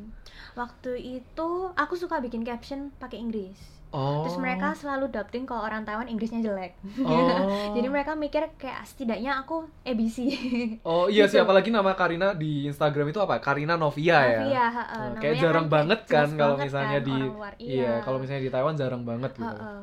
Oh, jadi karena itu kayak istilahnya Karina udah pelan-pelan mulai masuk di dunia endorsement. Mm-mm. Oke. Lanjutlah tiba-tiba di kontak yang Seventeen via DM juga. Oh, jadi kayak endorse endorse endorse endorse Oh, oh. endorse tiba-tiba Seventeen. Seventeen. Seventeen datang. Itu pas kapan kalau boleh tahu kalau Seventeen itu? Kapan pastinya? Tahun lalu, tapi aku udah lupa kira-kira bulan berapa. Kurang lebih tahun lalu ya. Kurang lebih tahun Ah, ah, lalu. ah. Terus? Tiba-tiba di kontak DM, dia ngomong kalau dia itu pegawai sekaligus manajer. Jadi mereka kayak ada posisinya di Oke. mana mereka se- seorang manajer, mereka di bawahnya manajer pasti kayak ada artisnya. Oke. Dan mereka memang menjadikan aku artisnya mereka. Oh. Tapi oke. waktu itu pemikiranku gila live streaming yang tonton itu siapa ya? Iya, Terus habis iya. itu di ah, Indo kan kesannya jelek. Jujur. Oh iya kah? Iya di Indo kesannya jelek karena Oh. disalahgunakan. Oh di salah. Oke, Iya. aku aku beneran nggak tahu sih Ha-ha. soalnya. Ha-ha. Kalau di sini bener-bener ada pembagiannya yang khusus. Mereka lihat mereka sebenarnya ngomong tertarik sama aku karena mereka tahu aku orang musik. Karena aku kadang dulu sempat ngepost cover, terus mereka ngepost foto kalau di mana aku main piano. Ah, Dan dia kepinginnya live streaming aku lagi main musik. Oke. Ah, ah. Oh jadi istilahnya istilahnya eh eh siangmu item kar Iya. bukan item ya maksudnya bagian Karina itu lebih ke ini pemusik Musik. Pemusik Iya, ini gitu. pemusik nih, bukan Oke. orang yang aneh-aneh gitu. Oh, pemusik gitu ya. Jadi istilahnya kategori, kategorinya itu Kategori pemusik. musik. Iya, Oke. karena dibagi sebenarnya ada beauty, ada Oke. musik, ada yang ngelawakan. Oke, ada yang ngelawak-ngelawak itu. Oke. Jadi Ah, sebenarnya dibagi macam-macam Aha. dan dia ngomong dia jujur tertarik suruh aku untuk main musik di sana. oh. Terus aku waktu itu benar-benar mikir gila main musik dan bisa ditonton banyak orang. Berarti semakin banyak orang yang dengerin aku gitu loh. Itu Dengerin musik aku. Jadi itu- aku lumayan excited. itu malah seneng ya, malah Iya, seneng soalnya seneng. banyak orang yang dengerin Karina. Iya, Eh, sama itu kan hmm. sempat ngepost cover di YouTube dan terima banyak up, maksudnya komen-komen yang baik juga. Ah. Terus aku ngerasa gila ini sesuatu hal yang baru kenapa nggak dicoba gitu. Oh, oh Karina dulu juga ada main YouTube juga ya, sempet Mm-mm, ya. Sempet. Oh, tapi eh, kenapa kok nggak lanjut terus sampai di YouTube gitu?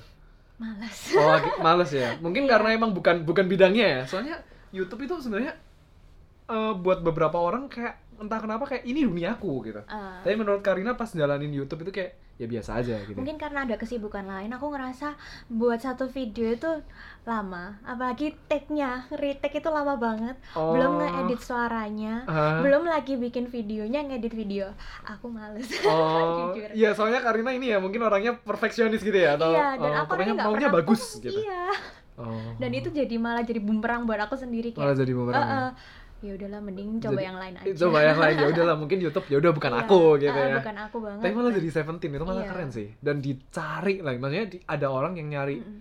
nyari Karina. Tapi di sisi lain cukup seram ya soalnya orangnya ngomong "Eh, aku pernah lihat videomu yang main musik. Berarti dia kan sebenarnya udah kayak ngestok kamu dulu. nge-stalk nggak Iya. sih? Kayak gitu ya? Ha-ha, di stok dulu. Oh, tapi oke. itu ya gimana gimana pekerjaan mereka. Oke mereka oke. kan juga mungkin sama company diminta untuk cari orang yang baru terus iya sih betul pasti betul kan ada betul. orang yang keluar ada orang yang masuk Ah, seperti itu. oke.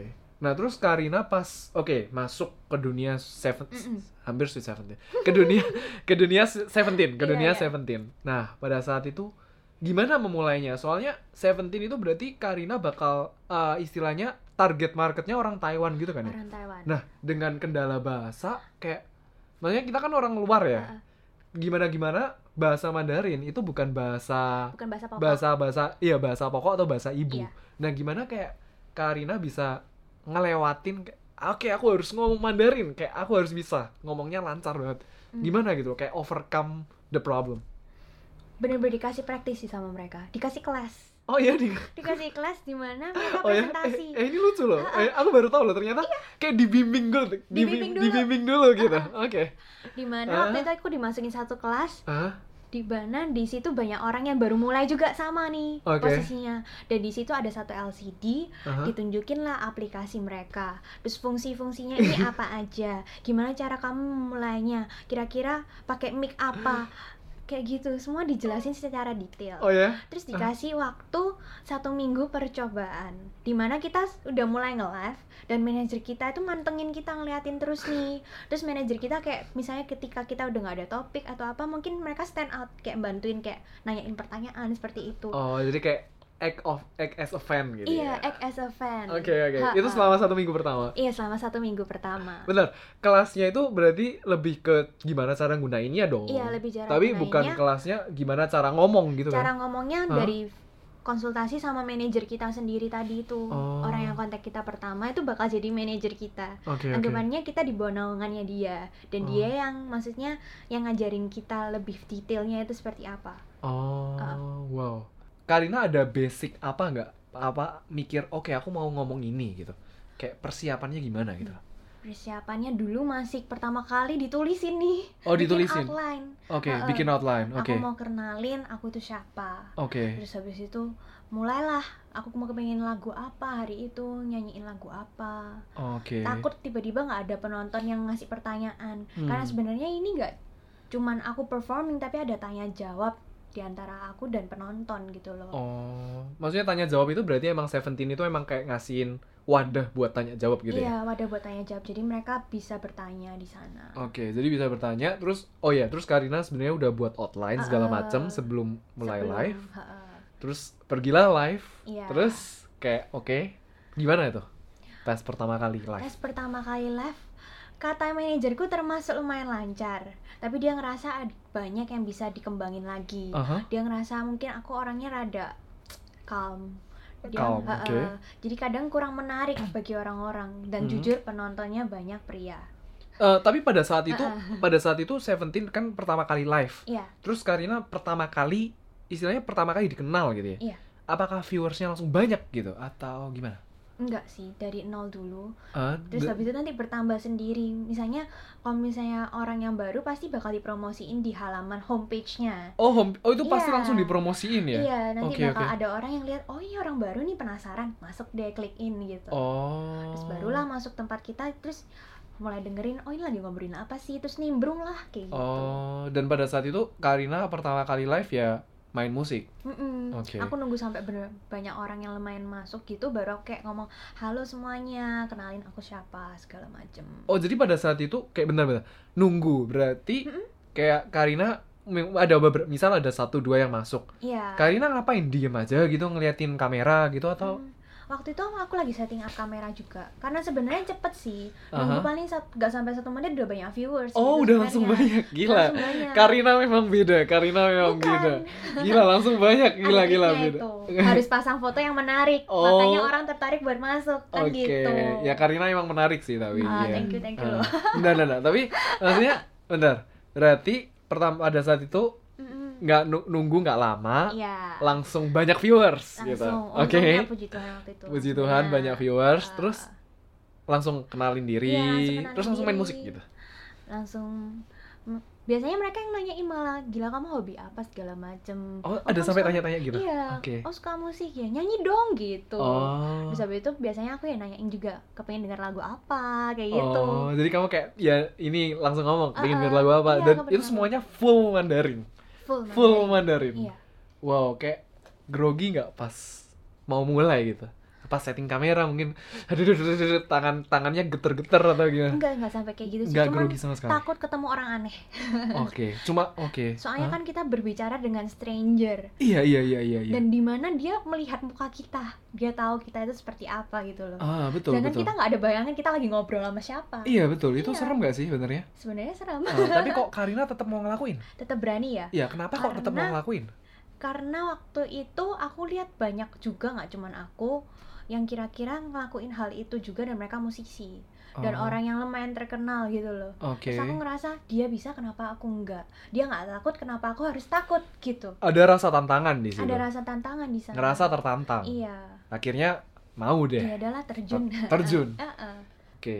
Live-nya satu hari satu gitu atau Mm-mm. periode maksudnya jangka waktunya itu berapa durasinya itu kayak maksudnya berapa tiap berapa lama sekali tiap berapa kali sekali gitu sebenarnya semakin lama akan semakin terbiasa. Jadi jangka waktunya akan semakin panjang. Secara Oke. sendiri nggak kerasa gitu loh. Ah, awalnya aku mulai dari setengah jam karena minimum harus 20 menit.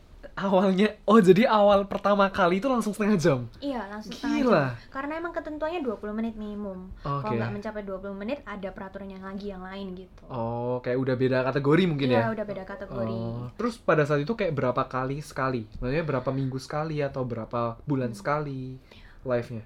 sebenarnya ada dikasih minimum dari company kalau misalnya tiap bulan harus mencapai berapa gitu Oh, jadi dia lebih ke mencapai berapa tapi bukan kayak berapa bulan sekali, berapa minggu sekali ya? iya dan tiap bulan harus live Oh. berapa jam Oh, gitu. tiap bulan udah ada standarnya tiap Mm-mm. bulan harus berapa Minimal jam? harus segitu. Oh. dan namanya kita kan manusia nggak pernah puas dan itu ada pemasukan namanya passive income gitu loh di sana Oh. jadi kita ya di mana kalau kita mau mencapai income segitu kita harus berani eh, ngeluangkan waktu seberapa banyak Oke. namanya kita kerja kan kita juga kerjanya semakin banyak waktu yang kita berikan buat kerja bakal Ah. semakin banyak income ini juga sistemnya sama Oh, jadi tujuan Karina buat live di Seventeen itu bukan have fun lagi tapi sebenarnya mencari uang dong. iya sebenarnya dapat funnya juga jadi Aha. two in one dong Two in one, oke. iya Iya sih, soalnya funnya mungkin orang Indo jarang banget. Kayaknya aku nggak tahu sih.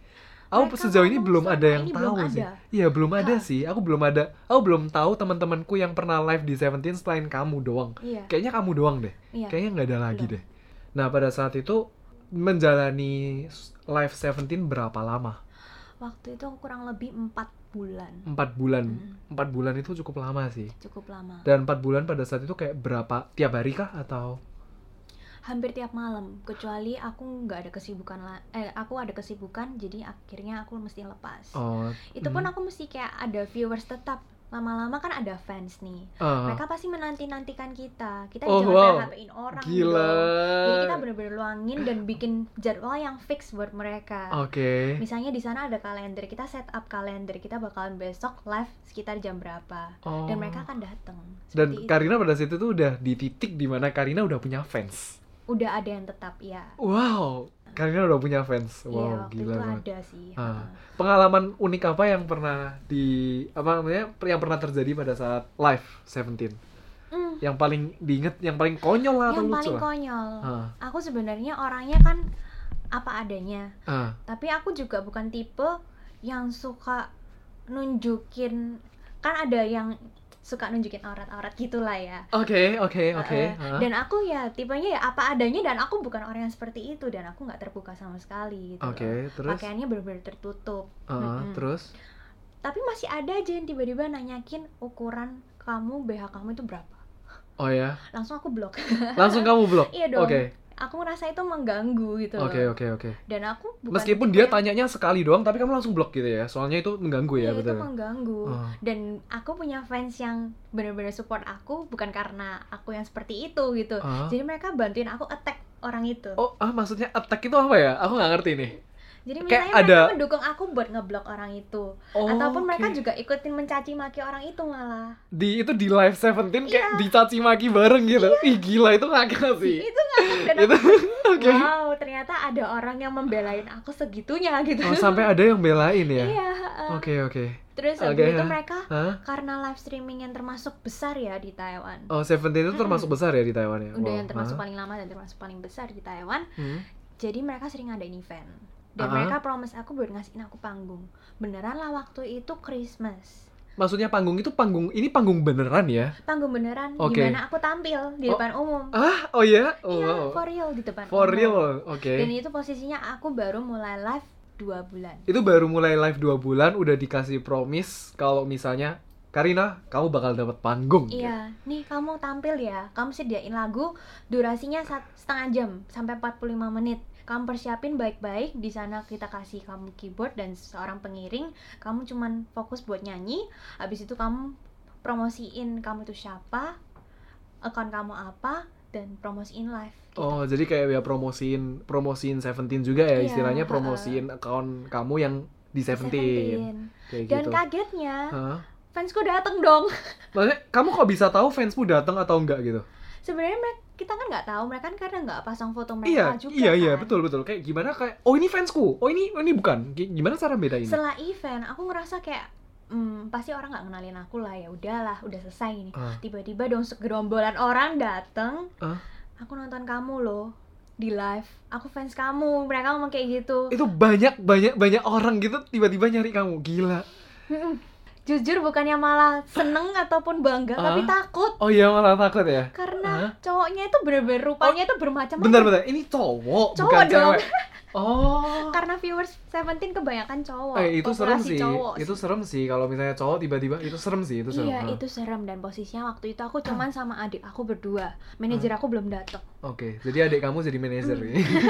Dan aku sebenarnya nggak nyaman waktu itu udah nggak nyaman kan disekelilingin orang yang aku Iya sih, nggak kenal. nggak kenal dan itu cowok lagi. Cowok. Maksudnya, Dan mereka ngaku Ah. ngefans sama aku. iya kan nggak bisa bedain. Ini beneran fans kah atau? Iya, terus habis ini Ah, pulang serem, gimana serem sih. dong? Aku kan Ah. takut kalau misalnya orangnya aneh-aneh, kalau misalnya mereka ngikutin aku sampai ke tempat tinggalku, gimana? Ah gitu. iya iya make sense. Ah, ah. Terus akhirnya aku kontak manajer aku ngomong, Ah. ini apakah hal yang biasa terjadi seperti ini? Dia ngomong, hah, kamu sampai diajakin foto segala macam. Iya nih. Terus habis itu dia ngomong, oh ya udah aku langsung ke sana. Untungnya manajer aku baik dan care banget sama aku. Jadi kayak datang gitu langsung datang ke tempatnya. Ah, Terus di mana posisinya beberapa orang masih bisa datengin aku ngajakin foto. Ah. Bahkan di sana mungkin ada fansnya eh, yang live yang lain, ah, tapi karena suka sama aku nyanyi pas hari itu, ah, jadi tertarik buat follow dan kepingin minta foto dulu nih. Mumpung udah ketemu mikir ah, mereka. Terus manajer aku ngomong oh ini fotonya mau dibuat apa ya? Oh, manajer manajer ah, kayak kontrol, istilahnya take control gitu iya, ya. take control kayak mau dibuat apa ya. Ah. sambil aku mulai ditarik dulu dari situ. Ah, terus mereka ngomong enggak kok kita cuma ngefans dan minta foto oh iya awas loh ya kalau misalnya kalian berani dibuat aneh-aneh kita Ah. bakal laporin. laporin gitu karena Dan, aku juga ah. diprotek sama company Oke. Mm-mm. Iya, un- untung banget ya manajernya Iya, care, care banget. banget. Dan pada saat itu pada saat eh, Karina ngeliat fans-fansnya itu range umurnya berapa kalau boleh tahu? 20 sampai 30-an 20 sampai 30-an. Iya. Maksudnya ya muda gitu ya. Bukan Muda masuk maksudnya bukan ada yang sampai di bawah umur, bukan di bawah umur ya, tapi maksudnya Hmm. kelihatan masih kayak anak SMA atau gitu. Gitu enggak, enggak, ya? sih ha-ha. Jadi kebanyakan range-nya 20 sampai Iya. 30-an dan cowok semua. cowok semua yang haus akan cinta dan perhatian. Oh ya? Iya, jujur. Karena mereka mungkin di lingkungan pribadi kurang ada teman. Ah, Kalau misalnya kita ada teman kan pasti kita jarang bakalan di rumah nontonin orang live dong. eh, make sense sih, betul Iya. sih, iya. Jadi mereka butuh perhatian dan Ah. mereka butuh orang ngobrol. Di mana di live itu mereka bisa ngobrol sama kita. Oh iya sih, Mm-mm. iya sih. Dan kadang iya mereka sih. jujur bisa ngomong kayak gini mereka hari ini aku kesepian nih, aku belum makan apa segala macem. Mereka bisa curhat di sana. Oh. Dan kita kadang yang lihat juga mau nggak mau harus ngerespon dong. Iya, dan respon Karina gimana itu? Maksudnya, Waktu itu soalnya kan- kan Heeh. itu kan komen kan dan komen. iya. Karina nggak bisa bedain ini orang mungkin normal atau nggak normal Iya, atau atau gimana. Nah, Karina gimana bedainnya? Misalnya waktu itu ada yang ulang tahun. Ah, Terus habis itu ulang tahun dia ngomong aku hari ini ulang tahun nih tapi aku ngerayain sendiri di rumah. ah. Jadi aku ngomong happy birthday ya. Oke. Pastinya wish you all the best gitu. Oh udah, Tapi itu- pokoknya hal yang simple Ah, banget ya udahlah yang penting buat dia itu senang aku nyanyiin buat dia. Oh. Karena aku sebenarnya dapat reward dari situ. Aku di situ dapat fans, mereka merasa aku itu orangnya baik, mereka Ah. akan rela buat ngasih kado. Nah, di sinilah asal maninya berada Oh, gitu. jadi ini benernya nyanyi soalnya ada udang di balik batu. bukan gitu juga. Namanya kita melakukan pekerjaan, Iya, kita kan nggak mau dirugikan. profesional, profesional, iya Iya. profesional. Dan berarti Karina maksudnya diminta apa ya tetap ngelakuin gitu, asalkan Asalkan itu tidak merugikan Karina merugikan juga. aku dan udah melewat batasku gitu loh. Oh, Karena aku di sini juga punya prinsip. Aku di sini sebenarnya nyanyi untuk supaya orang tahu dan mengenal aku Ah. gitu loh. Dan mengenal Karina sebenarnya Iya, utamanya itu mengenal Karina. Oke. Nah, ada pengalaman apa lagi nggak? Kayak maksudnya pas di Seventeen yang paling unik Itu aja sih. itu aja. Karena empat bulan menurutku ya sebenarnya dibilang panjang banget juga Oke. enggak. Hmm. Karena waktu memulai juga berasanya rada susah gitu sampai akhirnya punya fans itu kan semua proses. Iya ya, itu proses waktu. loh. Ha. Jadi empat bulan itu sebenarnya cukup singkat. Ah, nah ini empat bulan nih. Terus akhirnya apa yang memutuskan Ka- apa yang membuat Karina memutuskan untuk ya udah aku berhenti. Karena sempet ditakutkan karena yang panggung itu loh. Maksudnya Accident itu karena aku tiba-tiba ketemu dengan stranger. aha. Aku takut ke depannya semakin terkenal aku, aku di di mana aku di jalanan luas gitu aku nggak leluasa, aku bakalan takut orang bisa mengenal aku gitu loh. Oke. Ha-ha. Jadi ada rasa insecure. Rasa insecure-nya. oh, apakah alasan itu kah atau karena ada alasan lain gitu? Maksudnya sih. alasan terbesarnya memang karena insecure. insecure dan aku Hah? emang bukan kepingin jadi artis atau kepingin jadi orang famous aku cuman kepingin supaya orang suka aja sama musik aku gitu loh oh, jadi kecuali motif ah, aku kepingin jadi artis banyak soalnya yang kepingin jadi memang artis memang kepingin melewat- jadi ah, artis lewat lewat Seventeen. Seventeen karena bisa Seventeen punya manajemen sendiri Oke. Mm-mm, kalau kamu kepingin jadi artis kalau kamu punya potensi manajemen itu bisa bantuin kamu buat terbitin kamu Oke. Karina apakah itu tiba-tiba berhenti? Maksudnya kayak karena insecurity itu langsung ngomong manajer, maksudnya ada diskusi dulu nggak atau ya udah tiba-tiba aku langsung cut aja gitu. diskusi karena aku juga ngerasa manajerku orang yang baik Aha, aha. aku masuk dengan baik-baik juga aku harus keluar dengan sopan Oh. Mm, dengan profesional lah namanya Oke oke. Uh-uh. dan aku di samping itu juga karena kuliah udah mulai sibuk udah mulai siapin resita waktu itu Udah mulai siapin re- recital. Oh pada saat itu berarti time frame-nya itu pas eh tunggu tunggu tunggu time frame-nya itu pas kapan ya Seventeen? Soalnya setahu aku itu bukannya mau masuk S2 ya? oh mau masuk S2 benar-benar Oh mau masuk S2 itu baru atau udah jalanin S2 dan aku ngerasa lumayan sibuk gitu loh Oh pokoknya karena S2 Iya. jadi sibuk juga. Jadi kayak Mm-mm. mungkin ada harus salah satu yang aku korbanin. Iya, karena pas kerja ini kan otomatis ini jadi prioritiku.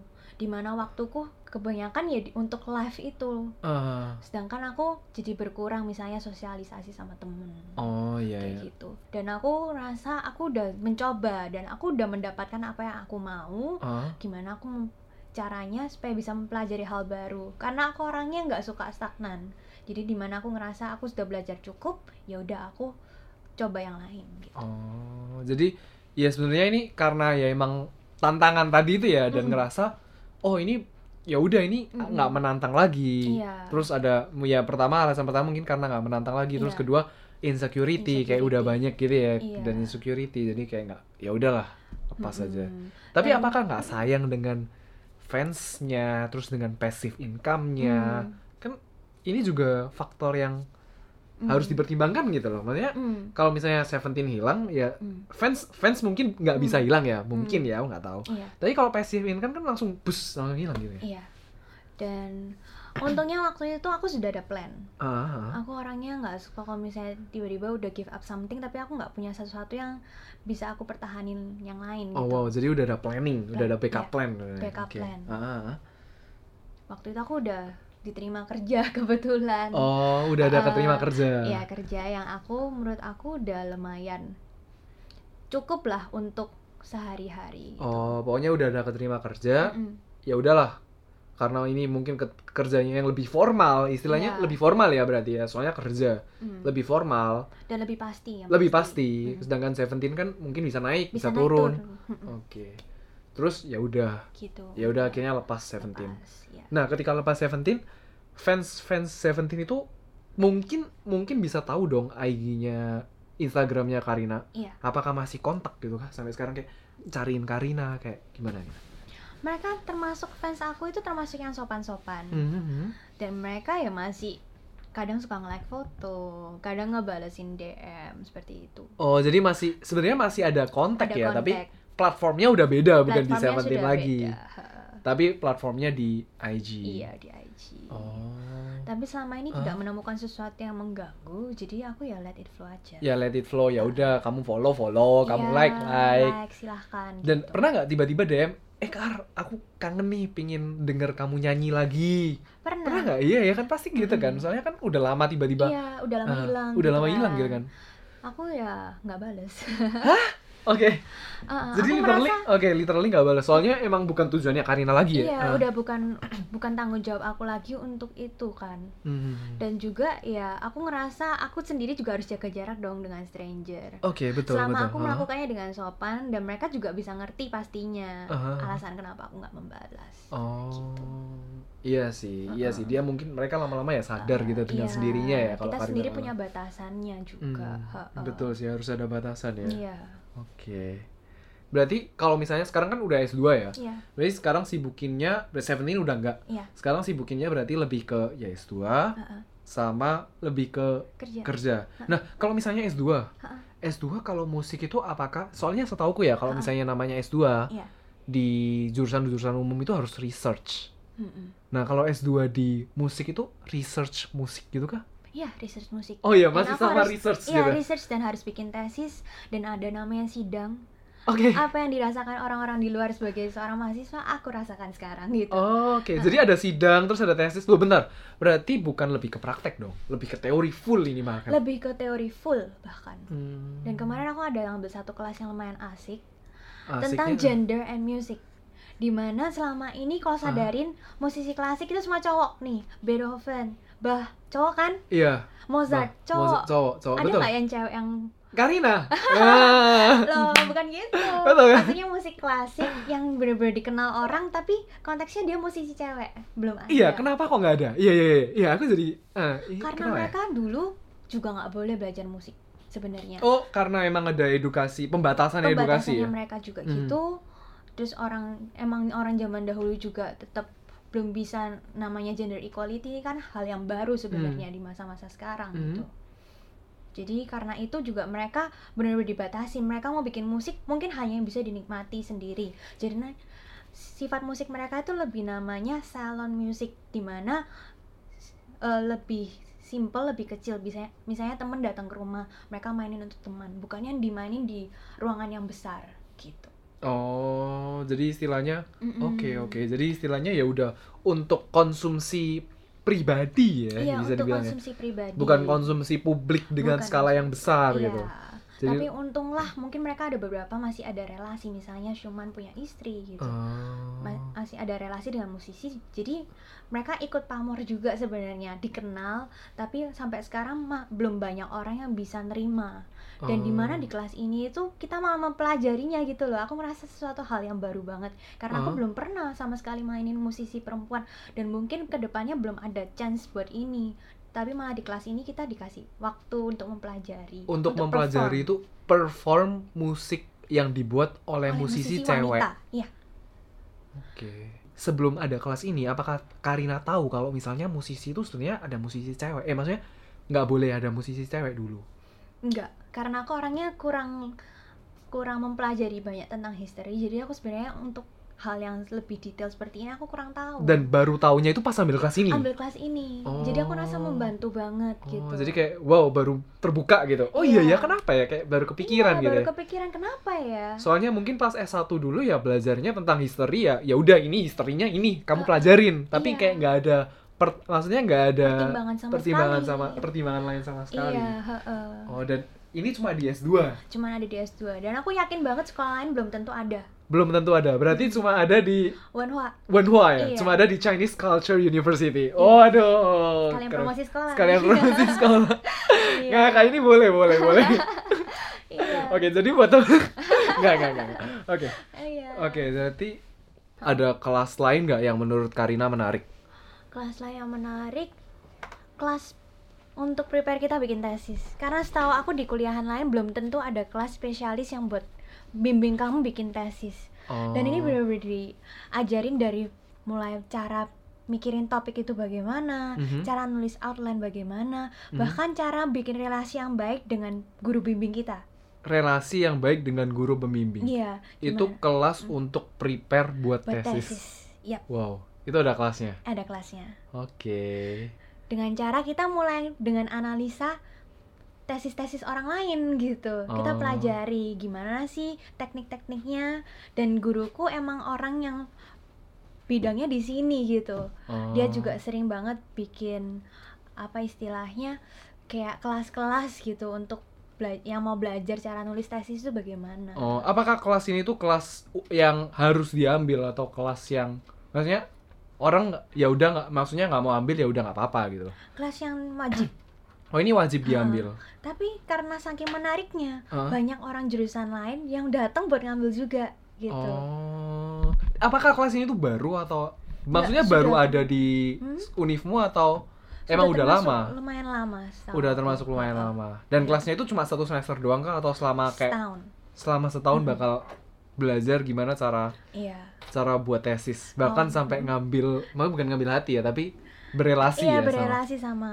guru pembimbing gitu Oh. gimana caranya bikin tesis yang sukses gitu oh. terus juga dikasih akses kalau dia ngerasa kayak tes kan kita udah mulai sambil nulis nih Ah, sebenarnya tulis buat pelajaran ini doang tapi Ah. kalau ke depannya kamu ngerasa bisa dipakai untuk jadi tesis formal kamu ke depannya bolehlah diambil dipakai gitu oh. jadi aku kemarin sempat nulis tapi mungkin nggak sebanyak tesis yang seharusnya kemarin nulis sekitar 5000 kata 5000 kata dan tesisnya kapan dikumpulin? Kalau kayak gitu. Maksudnya dalam masih pelajaran itu kah atau untuk ke depannya untuk maksudnya untuk tesis yang sungguhan ya maksudnya? Tesis yang sungguhan masih nanti jauh pas mau lulus. Masih nanti jauh. Oh berarti topiknya berbeda gitu kah Te- tesis bisa yang sama bisa beda. Oh bisa sama Ah, bisa beda. Karena tapi ini yang hmm, kamu tulis sendiri kan. Jadi udah jadi milik kamu sendiri. Kalau ke depannya kamu mau menggunakan dia itu sudah hakmu sendiri gitu. Oh Heeh. kayak gitu. Oke oke. Jadi itu setahun ya buat ngambil Iya, kelas itu. Dan setahun. menurut Karina kayak tesis yang sukses itu emang seperti apa sih? Soalnya tadi Karina Hmm. udah ngomong tesisnya bisa jadi sukses. Nah, tesis Hmm. tesis yang sukses itu seperti apa? tesis yang sukses yang pasti belum ada orang yang nulis Dan Belum ada itu orang yang susah. nulis, belum ada orang yang nulis itu pasti sukses. Istilahnya gitu. iya Itu istilahnya udah nilai plus lah ya. Udah, Udah nilai, nilai plus. plus. untuk menuju sukses. Oke. dan yang benar-benar berfungsi namanya kita melakukan research gimana caranya itu bisa berfungsi di kehidupan nyata Oh, Mm-mm. Oke. Jadi gimana? Oke. per- jadi pertama tesis yang sukses menurut Karina Mm-mm. itu yang belum pernah ada. yang belum pernah ada Karena itu susah ya. Karena susah banget susah sih. banget. Soalnya emang belum buat membuat yang belum pernah ada itu susah sih emang. susah Terus yang kedua harus berguna. harus berguna Oke. Nah, boleh tahu nggak tesis Karina yang yang te- tesis Karina yang Karina buat itu apa? Boleh tahu nggak? Eh, kasih terobosan dikit aja lah ya karena Terob- ini oke. mungkin aku mau pakai buat kelulusan aku Oh, ya udah. Oh iya ya. Kalau gitu eh, ya, ya, mirip-mirip lah. Maksudnya nggak Iya, sampai jangan jangan kasih yang ini ya, jangan kasih aku yang aktual ya. lagu Mm-mm. Oh, tapi lebih ke analisa lagu. iya lebih ke analisa lagu Oh, nganalisis sebuah lagu gitu. iya. Maksudnya itu gimana cara nganalisis lagu atau Hmm. Oke, gimana cara nganalisis lagu gitu ya? sebenarnya iya lagu itu kan partitur tertulis itu sebenarnya banyak versi yang Oke. mungkin orang lain nggak tahu karena banyak publisher yang berbeda Ah, dan publisher yang berbeda itu bisa jadi dalam bentuk font itu bisa berbeda ukuran notnya itu not baloknya bisa berbeda itu salah Oh. satu yang bisa dianalisis oh wow. Kayak Kemudian- hal sedetail itu tuh. hal sedetail itu bisa Oke. kemudian lagunya cara orang yang memainkan lagu itu bagaimana Oh. karena kita sebenarnya nggak bisa tahu musisi asli mainin lagunya itu gimana Iya, kita iya, cuma iya. memanfaatkan musik yang ada di sekitar kita dari YouTube Iya. mungkin musisi yang Asia mainin sama musisi yang asli dari Amerika mungkin berbeda feelnya Oh iya iya iya. Iya, iya. hal Oh. seperti itu yang kita analisis. Eh, aku lebih tertarik di ini sih, nguliknya di bagian kenapa kok bisa dari banyak topik, Hmm? kenapa bisa ambilnya itu tertariknya aku mau analisis lagu bagian ini deh.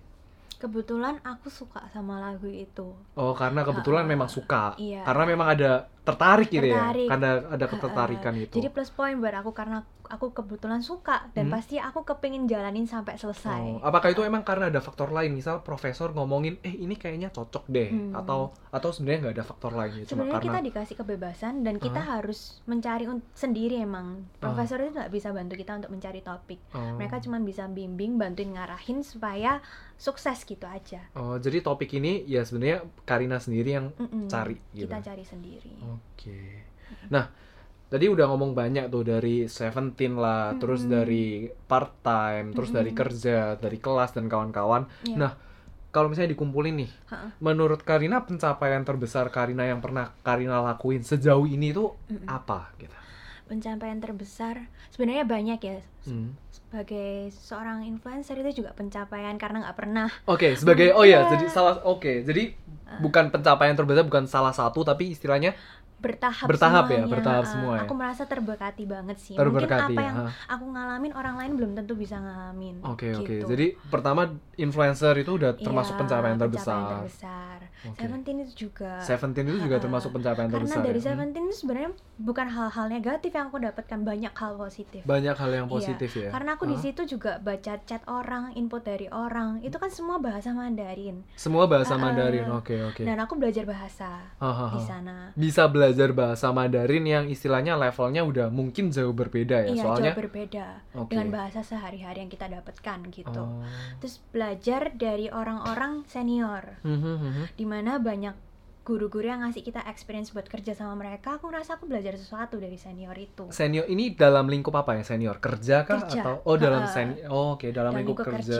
ha-ha. Itu belajar dari senior kayak Iya. belajar oke jadi lebih profesional. jadi lebih profesional Oke. Mm-mm. Jadi semuanya itu bertahap bukan ada kayak oke aku pencapaian terbesarku ini sebenarnya cuma satu gitu. enggak, aku ngerasa bakal ke depannya mis- bisa jadi ada yang lebih tinggi terus gitu Oh, jadi lebih kayak istilahnya bertahap, bertahap, Bertahap, bertahap, iya. bertahap dan menurut Karina tahapan-tahapan ini ya sebenarnya adalah penca- akumulasi pencapaian terbesar Iya, gitu ya. dan aku percaya semua itu dari persiapan kita masing-masing. Kalau misalnya kita siap, pasti semuanya akan datang ke kita gitu. Kesempatan Oh. pasti datang. Karena menurutku Oke. selama ini nggak ada yang aku cari. Aku nggak Oh. pernah bayangin diriku sebagai influencer, tapi malah aku di konteks secara langsung pribadi. Oh, oke. Ha-ha. Iya sih ini menurutku poin Iya. menarik sih. Ya, Karina betul sih ngomongnya selama kamu siap, Iya, sebenarnya kesempatan juga bisa datang iya gitu. kesempatan bisa. Dan ya datang. kembali lagi bukan cuma siap doang, tapi Hmm. kalau misalnya nggak diambil kesempatannya, ya hilang itu gitu bukan ya. milikmu lagi gitu. Iya, jadi, jadi- kayak anggapannya Seventeen aku nggak ada bayangan bakal ke depannya seperti apa. Hmm. Aku cuma memanfaatkan apa yang ada gitu. Ada Hmm. kesempatan, aku ngerasa aku siap, ya udah aku ambil Hmm, gitu. siap dan ya udah mau ngambil gitu kan. Iya, Karena heeh. emang Karina ya penasaran, pengen Penasaran coba juga. gitu. ya. heeh. Karina setelah S2 ini mau ada plan apa? Soalnya dari tadi kita ngobrol, Mm-mm, kayaknya Karina pasti orang yang punya planning gitu loh. mm-mm. Nah, Karina ada planning apa gitu setelah S2? Untuk ke depannya aku sekarang udah mulai mencoba namanya ngajar dan ke depannya aku bakalan kepingin terjun di dunia mengajar. Oh, jadi memang Heeh. lebih tertarik di bagian Iya ngajar. di bagian ngajar. Oke, untuk ngajarnya udah ada kepikiran belum bakal di Indo Hmm. atau bakal di Taiwan atau bahkan mungkin keluar negeri lagi gitu. Untuk keluar negeri lagi mungkin udah enggak karena Udah enggak, aku ah. sudah kepikiran keluarga, Keluarga. teman-teman Oke, ya. teman-teman. Dan aku juga kepinginnya bakal ke depannya harus di Indo sih menurut aku. Oh, jadi pemikiran Karina saat ini Mm-mm.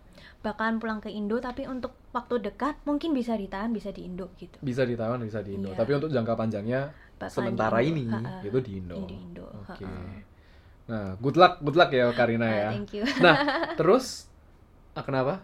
Nah, terus eh, yang aku mau tanyakan adalah sebelum menutup podcast Iya. hari ini, yang aku mau tanyakan adalah Karina kan ini istilahnya sebagai menurutku aku bisa menganggap re- merefer Karina sebagai influencer atau musisi ya.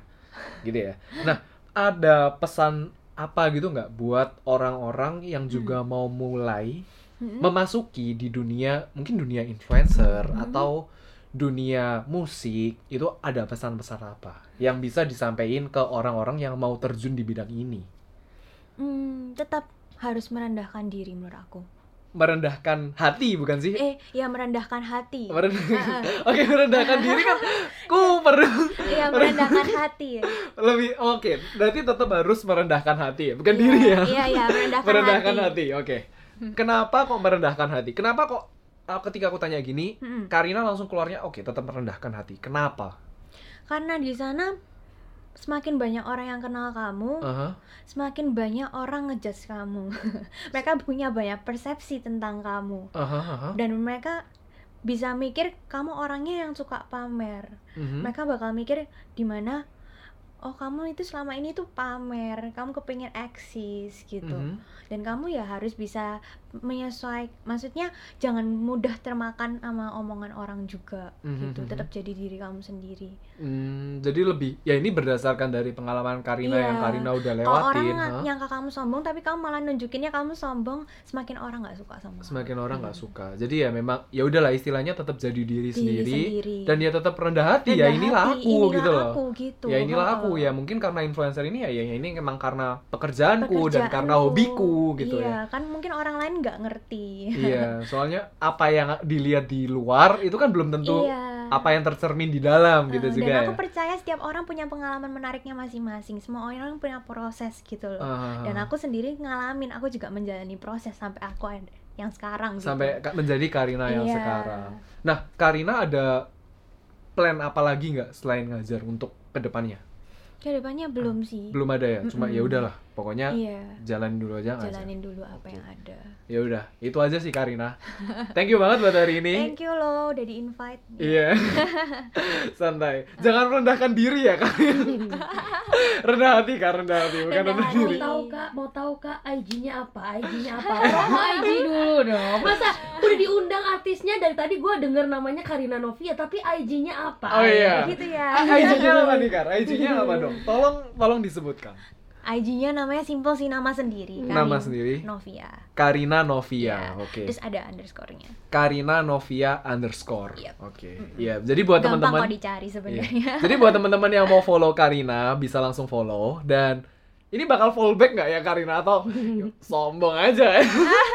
say hello dulu Say biar aku hello. tahu siapa gitu Oke. saling kenal kan juga seru nih nambah pertemanan Oke, ya udah itu aja dari kita dan sampai ketemu lagi di ke episode, episode, berikutnya Iya, sampai ketemu Ditonton lagi di terus em- ya Iya, sampai ketemu lagi di episode berikutnya. I'm Satria and you're in Perkasa Ways.